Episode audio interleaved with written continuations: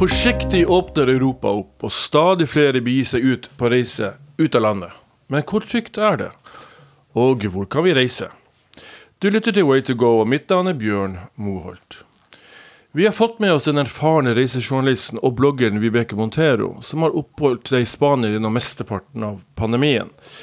Eh, Vibeke, eh, det hersker mye forvirring rundt dette med vaksinepass, grønne og røde land, forsikringer osv. Og, og det er vel for så vidt det vi skal snakke litt om i, i denne poden her. Men jeg tenkte først så, så, kan vi se litt på hva For du bor jo ikke i, i, i Norge, du bor faktisk i Spania, eller i hvert fall der du oppholder deg mesteparten av året. Hvordan har det vært for deg disse 18 månedene vi har sittet hver på vår, vårt sted? Ja. Nei, nå, her i Spania så har det jo gått fra å være ekstremt nedstengt til å nå være ganske åpent. Um, så det har vært egentlig en sånn ganske deilig uh, progresjon, syns jeg. Altså det, det, var uh, tungt i starten. Uh, hvor vi ikke kunne gå ut av husene våre i det hele tatt i åtte uker. Og så er det nå egentlig ganske tilbake til normalen. Bortsett fra at man må fortsatt bruke munnbind en del steder. Men ehm, ja, sånn, Så det er liksom sånn det har vært i Spania, sånn som jeg har opplevd det. Um, men som reisejournalist så har det jo vært ganske uh, mye tyngre tider. For jeg har jo ikke reist noe særlig. Det, det må jeg innrømme. Nei, Jeg merker jo også det, spesielt i fjor, at det var kjempevanskelig. Da reiste jeg litt rundt i Norge, men for deg er det kanskje ikke like lett å, å, å reise rundt i Spania. Um, hva, fikk du, fikk du reist noe i det hele tatt i fjor? Ja, vet du, altså, jeg leide en bobil i fjor sommer, for jeg tenkte jeg må bort. Jeg må altså, Du vet jo hvordan det er når man er vant til å, ja. å bevege seg rundt. Så var det ille å bare sitte inne. Mm. Så da leide jeg en stor bobil, og så dro jeg med familien til Portugal, for der var det åpen grense. Og det føltes veldig trygt. Jeg tenkte Det er liksom det tryggeste vi kan gjøre. fordi da er vi jo i vår egen lille boble hele tiden. Og um, det var egentlig en veldig fin opplevelse. Og utover det så har jeg reist uh, ja, litt rundt i Spania. Det har til tider også vært um, uh, sperrede sånne kommunegrenser og fylkesgrenser her. Så ja, man må jo turnere dette her regelverket som endrer seg hele tiden. Men noen små reiser har det blitt. Mm. Det, det jeg merka når jeg sjøl var ute og reiste Jeg var jo i Italia i fjor i to måneder. Eh, det var jo det at når du først er ute på veien, så merker ikke du så mye til det, annet enn at du kanskje må inn på en butikk, og da må du ha på deg dette munnbindet, som for så vidt er eh, greit nok. Men jeg følte ikke at det var noe, noe, noe problematisk. Det var det som er det en kontrast her i forhold til de, det vi hører fra myndighetene, og det man opplever da på, på, veien. At det virker ikke som det er så alvorlig som man tror. Eh, men det er klart at det ligger jo eh, en del eh, advarsler i dette her, og det legger seg vel i ryggmargen på en. så selv om man er ute på tur, så, så har man dette, dette, med oss. Og jeg tenker at det er jo noe som kommer til å følge oss fremover også. du det var fjoråret. Da var heller ikke jeg så mye på reise, annet enn som sagt en turen til Italia. Hvordan har det vært i år?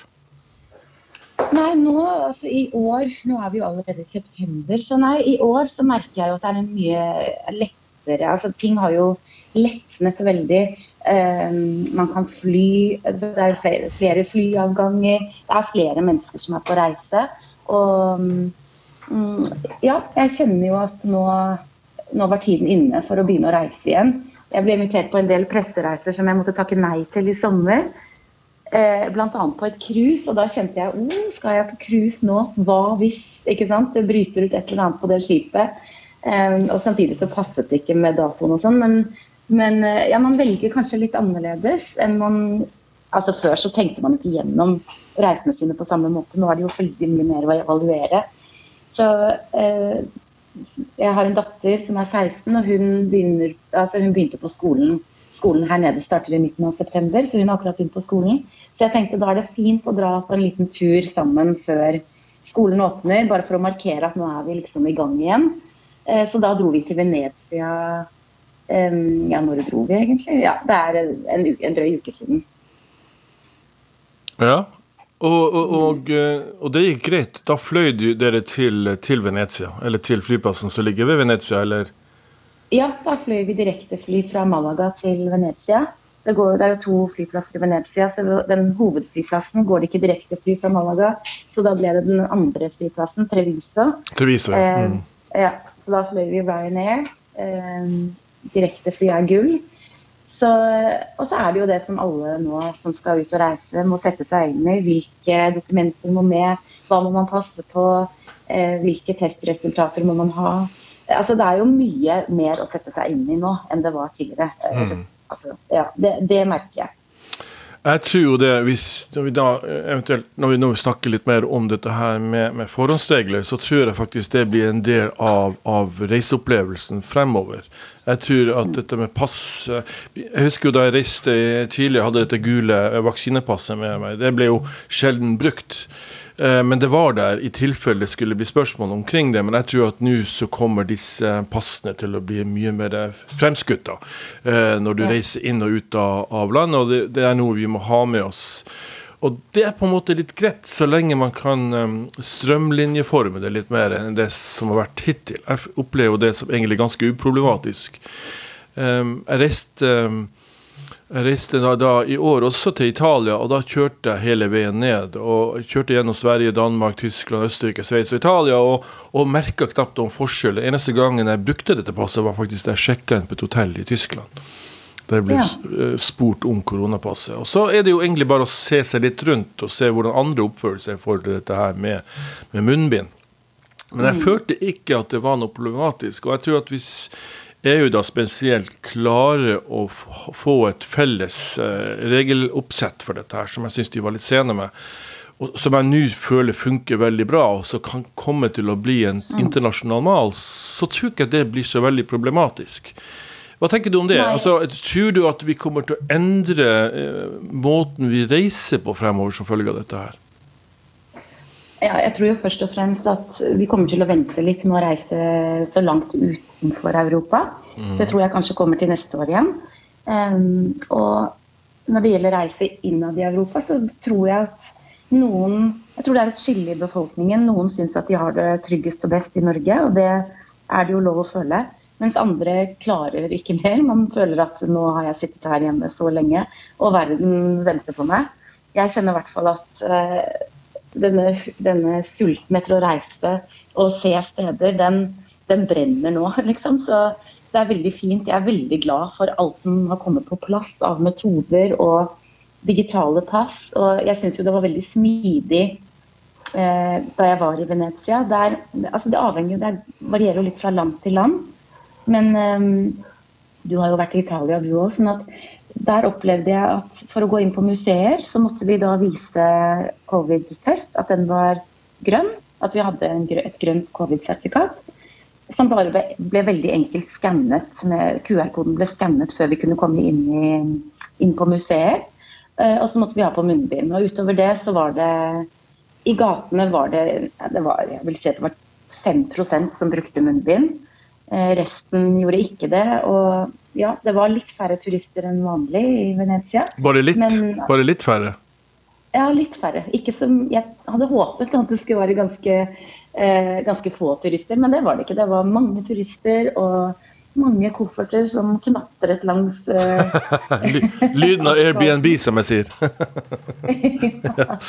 ja. Så, ja, så jeg, jeg syns at det var nesten som Ja, det var som normalt å komme tilbake til Venezia. Mm. Eh, rett og slett. Vi hadde på oss munnbind og vi satte oss ned på kafeer og restauranter, og så tok vi det av når vi skulle spise og drikke. Men det var veldig sånn avslappet. Mye mer avslappet enn jeg hadde trodd. Mm. Mm. Altså, jeg følte også det i Italia. Vi, eh, det er mye de ikke har på stell i Italia, men akkurat det der det følte jeg Jeg har jo da dette stedet i den lille landsbyen, og der var det et par større arrangement, og da var de lokale myndighetene på plass med, med hva skal jeg si, koronasertifikatregistrering, at du måtte vise denne QR-koden. Og det var litt interessant, for da ble det målt opp mot lokalbefolkningen, og, og, det var ikke noe forskjell. Altså Mitt pass var akkurat like godt som mm. naboen sitt.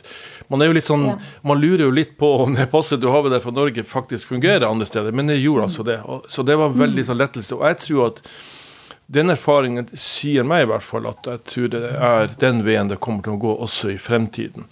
Det kommer flere, om ikke pandemier, så kommer det den type sykdommer til å florere i enkeltland, og da er det viktig tror jeg, at man har alle disse tingene på stell uansett. Ja, ja altså det, det, jeg tenker er utfordringen her, i og med at det er veldig digitalt, det er jo at eldre mennesker, altså dagens pensjonister, de reiser jo masse. Og noen eh, er jo veldig flinke på det digitale, men dette her er jo altså et nytt eh, trinn opp for mange. Da. Altså, det er jo ikke bare å bestille en flybillett på nett lenger. De må faktisk eh, lese engelske restriksjoner. Ikke sant? Hva mm. er restriksjonene i det landet jeg skal til? De må sette seg inn i ting på en annen måte enn før. De må laste ned ting på mobilen sin. De må laste ned apper som de ikke har brukt før. Jeg ser jo det nå fra mine egne foreldre som skal til Spania. Det, det for dem er en ganske sånn overveldende prosess. Eh, så det kan jo kanskje være at de må, jeg, jeg, vet ikke helt. Jeg tror noen kanskje vil streve litt med dette. Det tror jeg du har veldig rett i. Akkurat det er et interessant poeng. fordi at uh, For oss som vi, ikke, vi, er ikke født inn i den digitale alder, men vi har måttet ha lært oss det. Men vi har vært i en sånn halv, halvstilling mm. her, mens våre barn igjen har født rett inn i dette. her, så det, For dem er det jo mm. dette, blir dette mer og mer naturlig.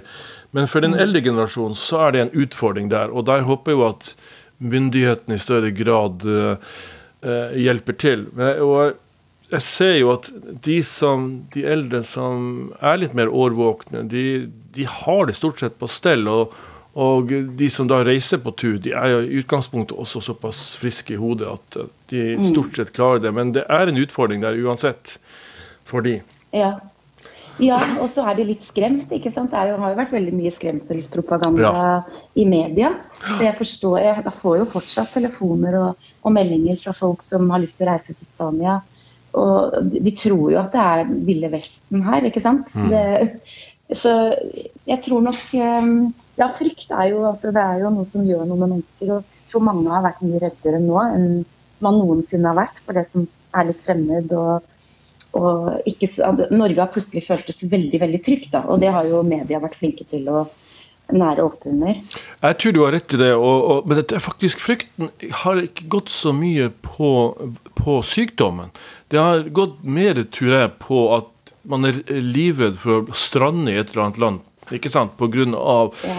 situasjonen der, altså smittesituasjonen man er sjøl fullvaksinert, og så plutselig så endrer ting seg, og så vet man ikke helt hva man skal gjøre, og så funker ikke risseforsikringen, og så er det veldig mange sånn usikkerhetsmomenter. Jeg tror det er mer det som styrer eh, reisevirksomheten. Derfor er det så viktig å få disse eh, felles eh, regler på plass, slik at man har forutsigbarhet i dette her. Jeg tror ikke det er sykdommen man er redd for, det er mer de, alle de restriksjonene, alle de påbudene som, som inntrer i en sånn situasjon. Og der føler jeg at, at selv myndighetene i Norge ikke helt klarer å finne ut av et system som gjør dette her litt mer enkelt for den enkelte. Og spesielt for de som ikke er så digitalisert. Mm, mm. Ja. Tenker, uh, ja det er, det er, en del utfordringer. Men jeg tror jo også mange nå uh, altså I begynnelsen av pandemien så var det jo det gikk jo veldig på at overfylte sykehus. ikke sant? Og man var mm. vel kanskje litt redd for at hvis man kom som nordmann til Spania eller Italia eller ja, et annet land, at man havnet nederst og bakerst i køen. Men jeg tror nå at eh, Nå er jo ikke situasjonen den samme. Det ligger jo ikke like mange på respirator. Så eh, jeg tror det har endret seg nå, sånn som du sier, at man er ikke nødvendigvis mest redd for sykdom. Noen er det selvfølgelig, men, men eh, redd for eh, man føler seg litt usikker, ikke sant. Og så endrer jo bildet seg ganske fort. Eh, sånn at, og det å sette seg inn i nye ting når man er i et fremmedland, det kan være en utfordring. Så ja, litt sånn som jeg sa, jeg tror at man er, man er litt delt, befolkningen er mm. litt delt i to. Noen tenker OK, jeg må reise, da får jeg heller tåle de konsekvensene som kommer. Mens andre tenker at jeg blir i Norge et år til. Mm. Ja da, jeg tror det. Og det viser seg ofte det at nordmenn er litt passive der. Altså Vi er litt mer tilbakeholdne, eh, i noen tilfeller betydelig mer tilbakeholdne enn andre land. jf. svenskene, som som er eh, mye mer uredd, uredd av seg, føler jeg, når det gjelder eh, både det å reise til oppdagede steder og situasjoner som, som dette. Vi er litt, om ikke engstelige av oss, så er vi litt mer tilbakeholdne. Det ligger kanskje i den norske naturen, og det har, har ikke så mye nødvendigvis med akkurat denne situasjonen å gjøre. Men, eh, men gradvis så åpner jo nå Europa opp og, og, men, men, reiser til resten av verden er fortsatt underlagt ganske strenge, strenge regler. Det, nå fikk jeg jo en beskjed i går om at USA åpner opp for de som er fullvaksinert. Så det, det, ting er jo i endring, tydeligvis. Mm. Men jeg tror at det kommer til å ta ganske lang tid før vi reiser til Asia og Afrika. Hva tror du, Vibeke? Jeg tror at et viktig element her er det karantenehotellet. Jeg tror mange er helt uinteressert i å havne på karantenehotell. Så selv om man egentlig i utgangspunktet kanskje kunne tenkt seg å ta sjansen på å reise til Thailand eller til eh, Miami, så hvis det da er sånn at man må i karantenehotell når man kommer tilbake, det er, jo, det, er jo, en sånn demper på reiselysten. I hvert fall har det vært det for meg. Mm. Så det er jo kun av den grunnen jeg ikke har reist til Norge under denne perioden hvor man måtte på karantenehotell. Ikke fordi jeg har vært redd for å reise eller at, ikke, at man ikke vil, men det, altså, hele opplegget rundt det blir jo veldig sånn hemmende. Da, da må du ta ferie på karantenehotell, liksom. Mm. Ja, er, og igjen da, jeg tror at det er mer disse tingene som skremmer folk fra å reise, enn sykdommen i seg selv. Eh, så, så, og, og, det der jeg føler vel at man har vært litt for lite flinke og smidige. For at det går begge veier, dette her. Altså, vi ser jo at et land som Hellas er ekstremt mm. avhengig av reiseliv, i, i, i likhet med Spania. Eh, mm. Og at de trenger å få folk inn.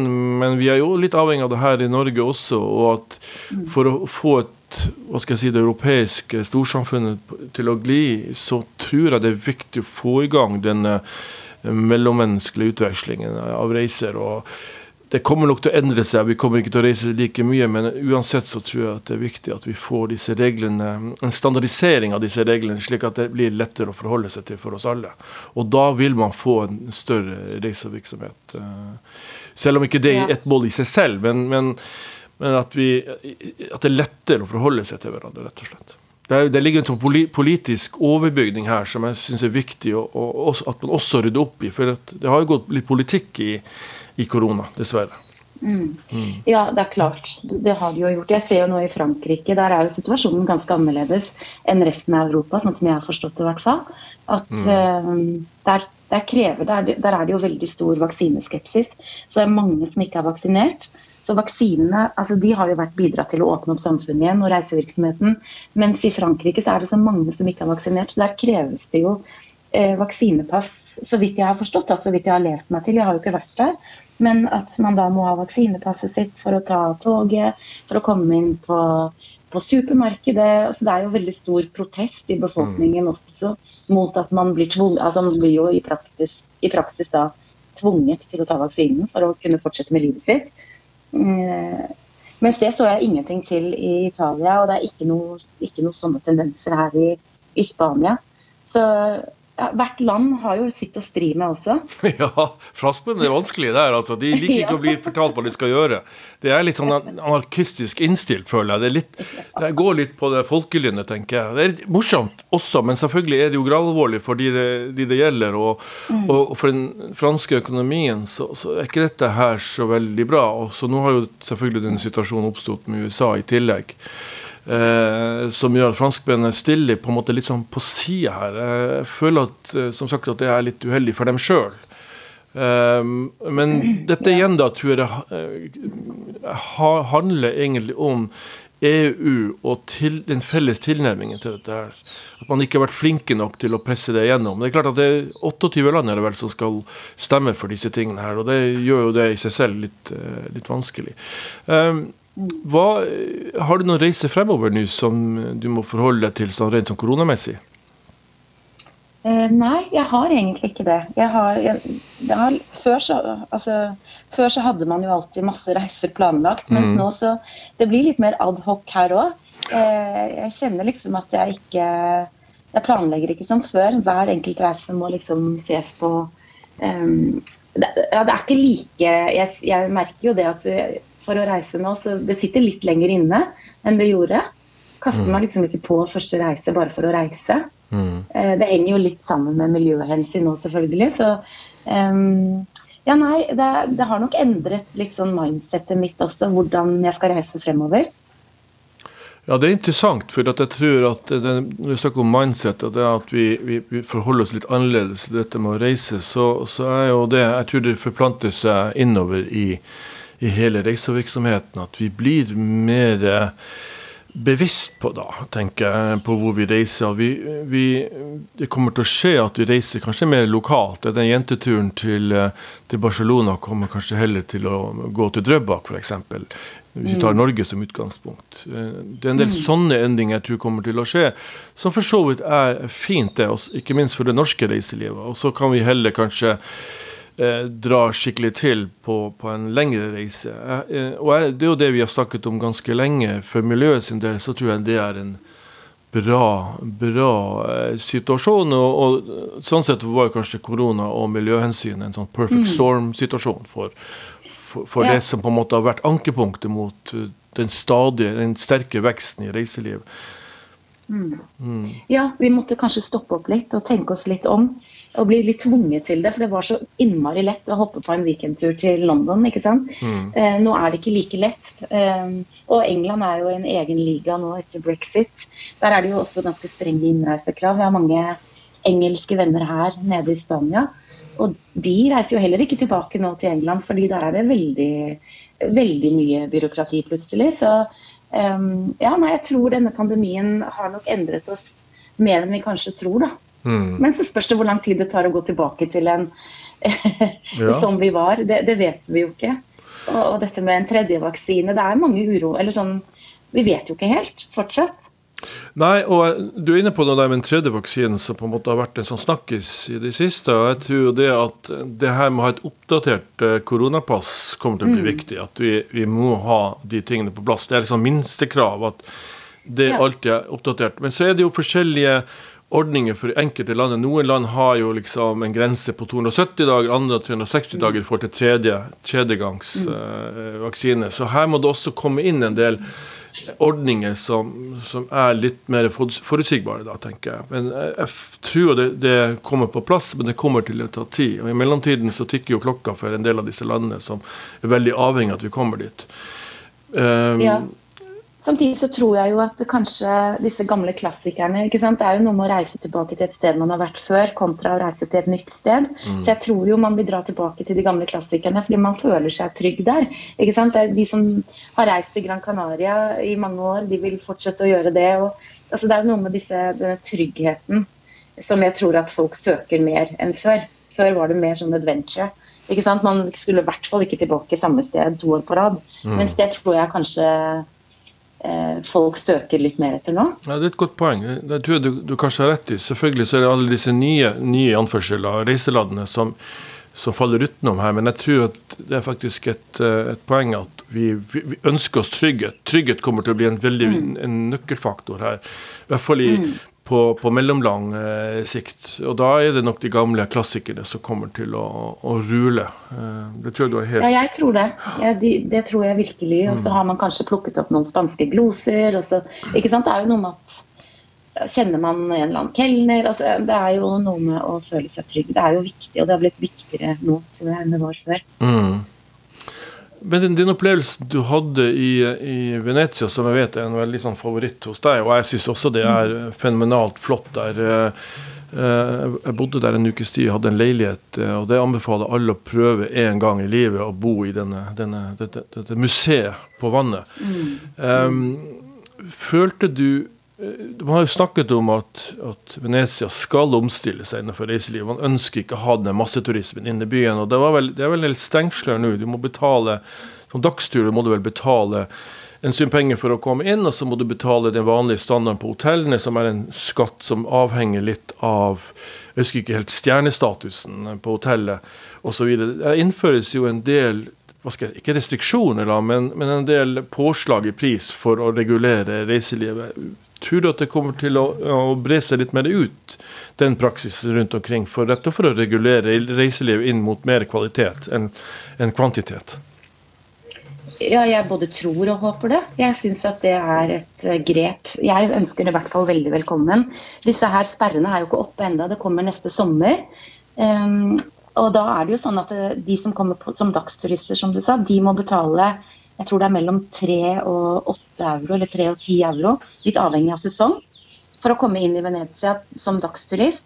Men hvis du er hotellgjest, hvis du har en hotellreservasjon, så slipper du å betale den inngangsbilletten.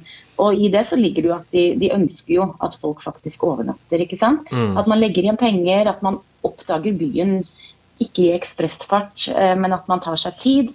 Og jeg syns at dette er helt fantastisk. Og eh, jeg husker faktisk eh, Det var ikke første gangen jeg var i Venezia, men det er, det er i hvert fall 25 år siden nå. Så dro jeg dit og da var det samme praksis. Og det er sånn jeg har tenkt jøss. Eh, det har jo vært sånn før. Mm. Eh, og så har de fjernet det. Da var det sånn, da måtte vi vise en hotellreservasjon for å, å komme inn. Ellers så kommer vi faktisk ikke inn i byen. Mm. Så de, de, har hatt den praksisen tidligere.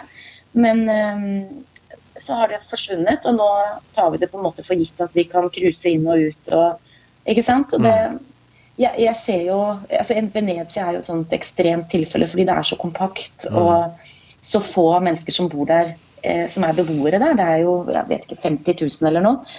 Og så kommer jo disse hundretusenvis av dagsturistene og eh, fyller alle gater, setter seg på broene og har piknik. Det er en sånn Jeg syns det er å vise litt lite respekt, rett og slett, for et sted mm. og de som bor der.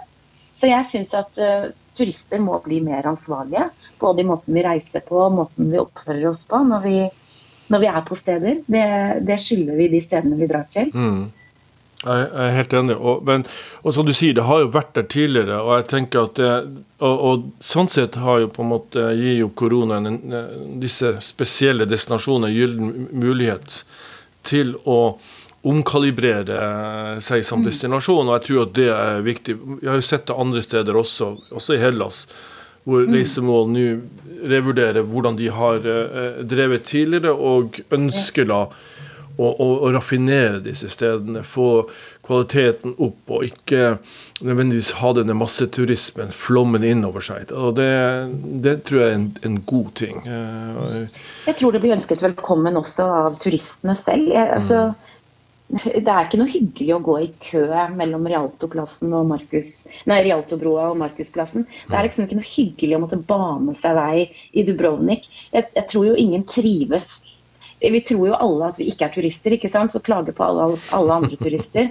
Og det er jo en sånn Ja, jeg er jo turist, jeg òg, så eh, det å begrense antallet, det tror jeg det tror jeg er veldig smart. Og jeg mm. tror jeg har sagt det her på en tidligere pod òg, at det er liksom ikke noe menneskerett å, å, se disse stedene. Man må kanskje gi noe mer da, for å kunne oppleve disse stedene.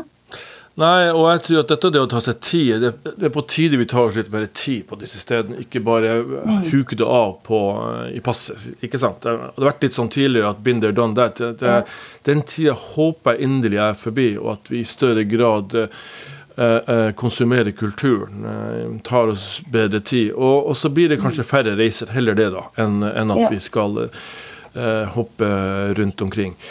Jeg tenker vi skal mm. eh, avslutte snart, eh, Vibeke.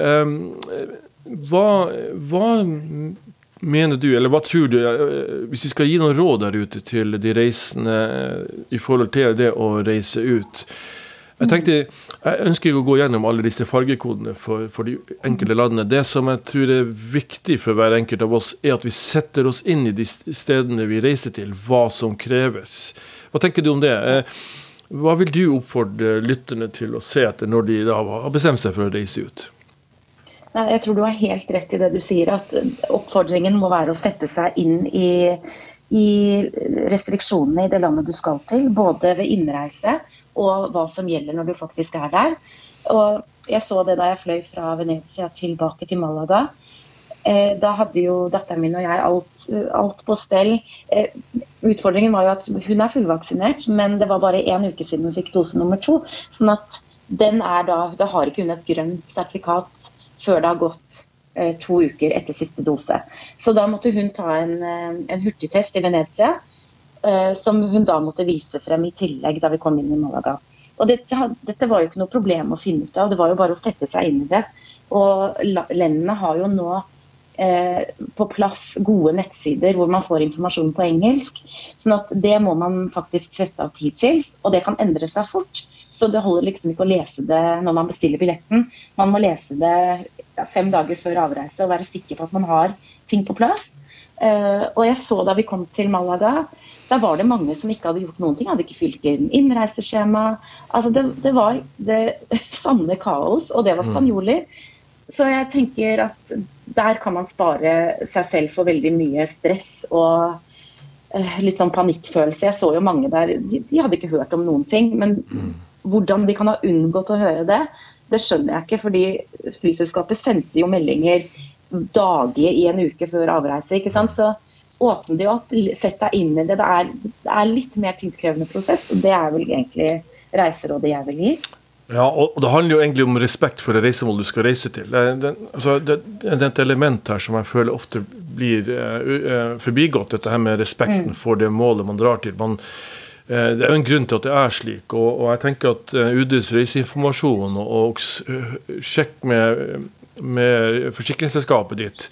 Eh, mm. det, det, er litt sånn, sånn tommefingerregel som er veldig enkle å etterkomme. Eh, og så kan du jo se på andre faktorer som spiller inn. Og husk at du registrerer deg på dette her med reiseregistrering.no. Det, det, tror jeg også er lurt, bare sånn at du har den oppe. For da får du melding om, om hva som gjelder på det reisemålet du skal, eh, skal dra til.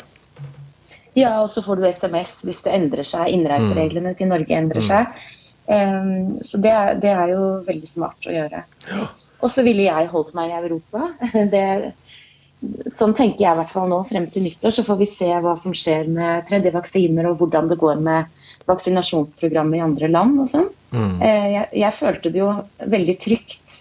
Uh, tenk, jeg sa det til datteren min når vi satt på flyet. Så sånn, her er faktisk alle her er det ikke korona på dette flyet. Her Nei. sitter vi med munnbind. Altså det, var, det, var, ikke en sånn usikker følelse i det hele tatt. Mm. Sånn som det var litt i starten, da folk ikke helt ikke sant? Det var mer sånn usikkerhet. Ja. Mens nå føltes det egentlig veldig ryddig og trygt. Mm.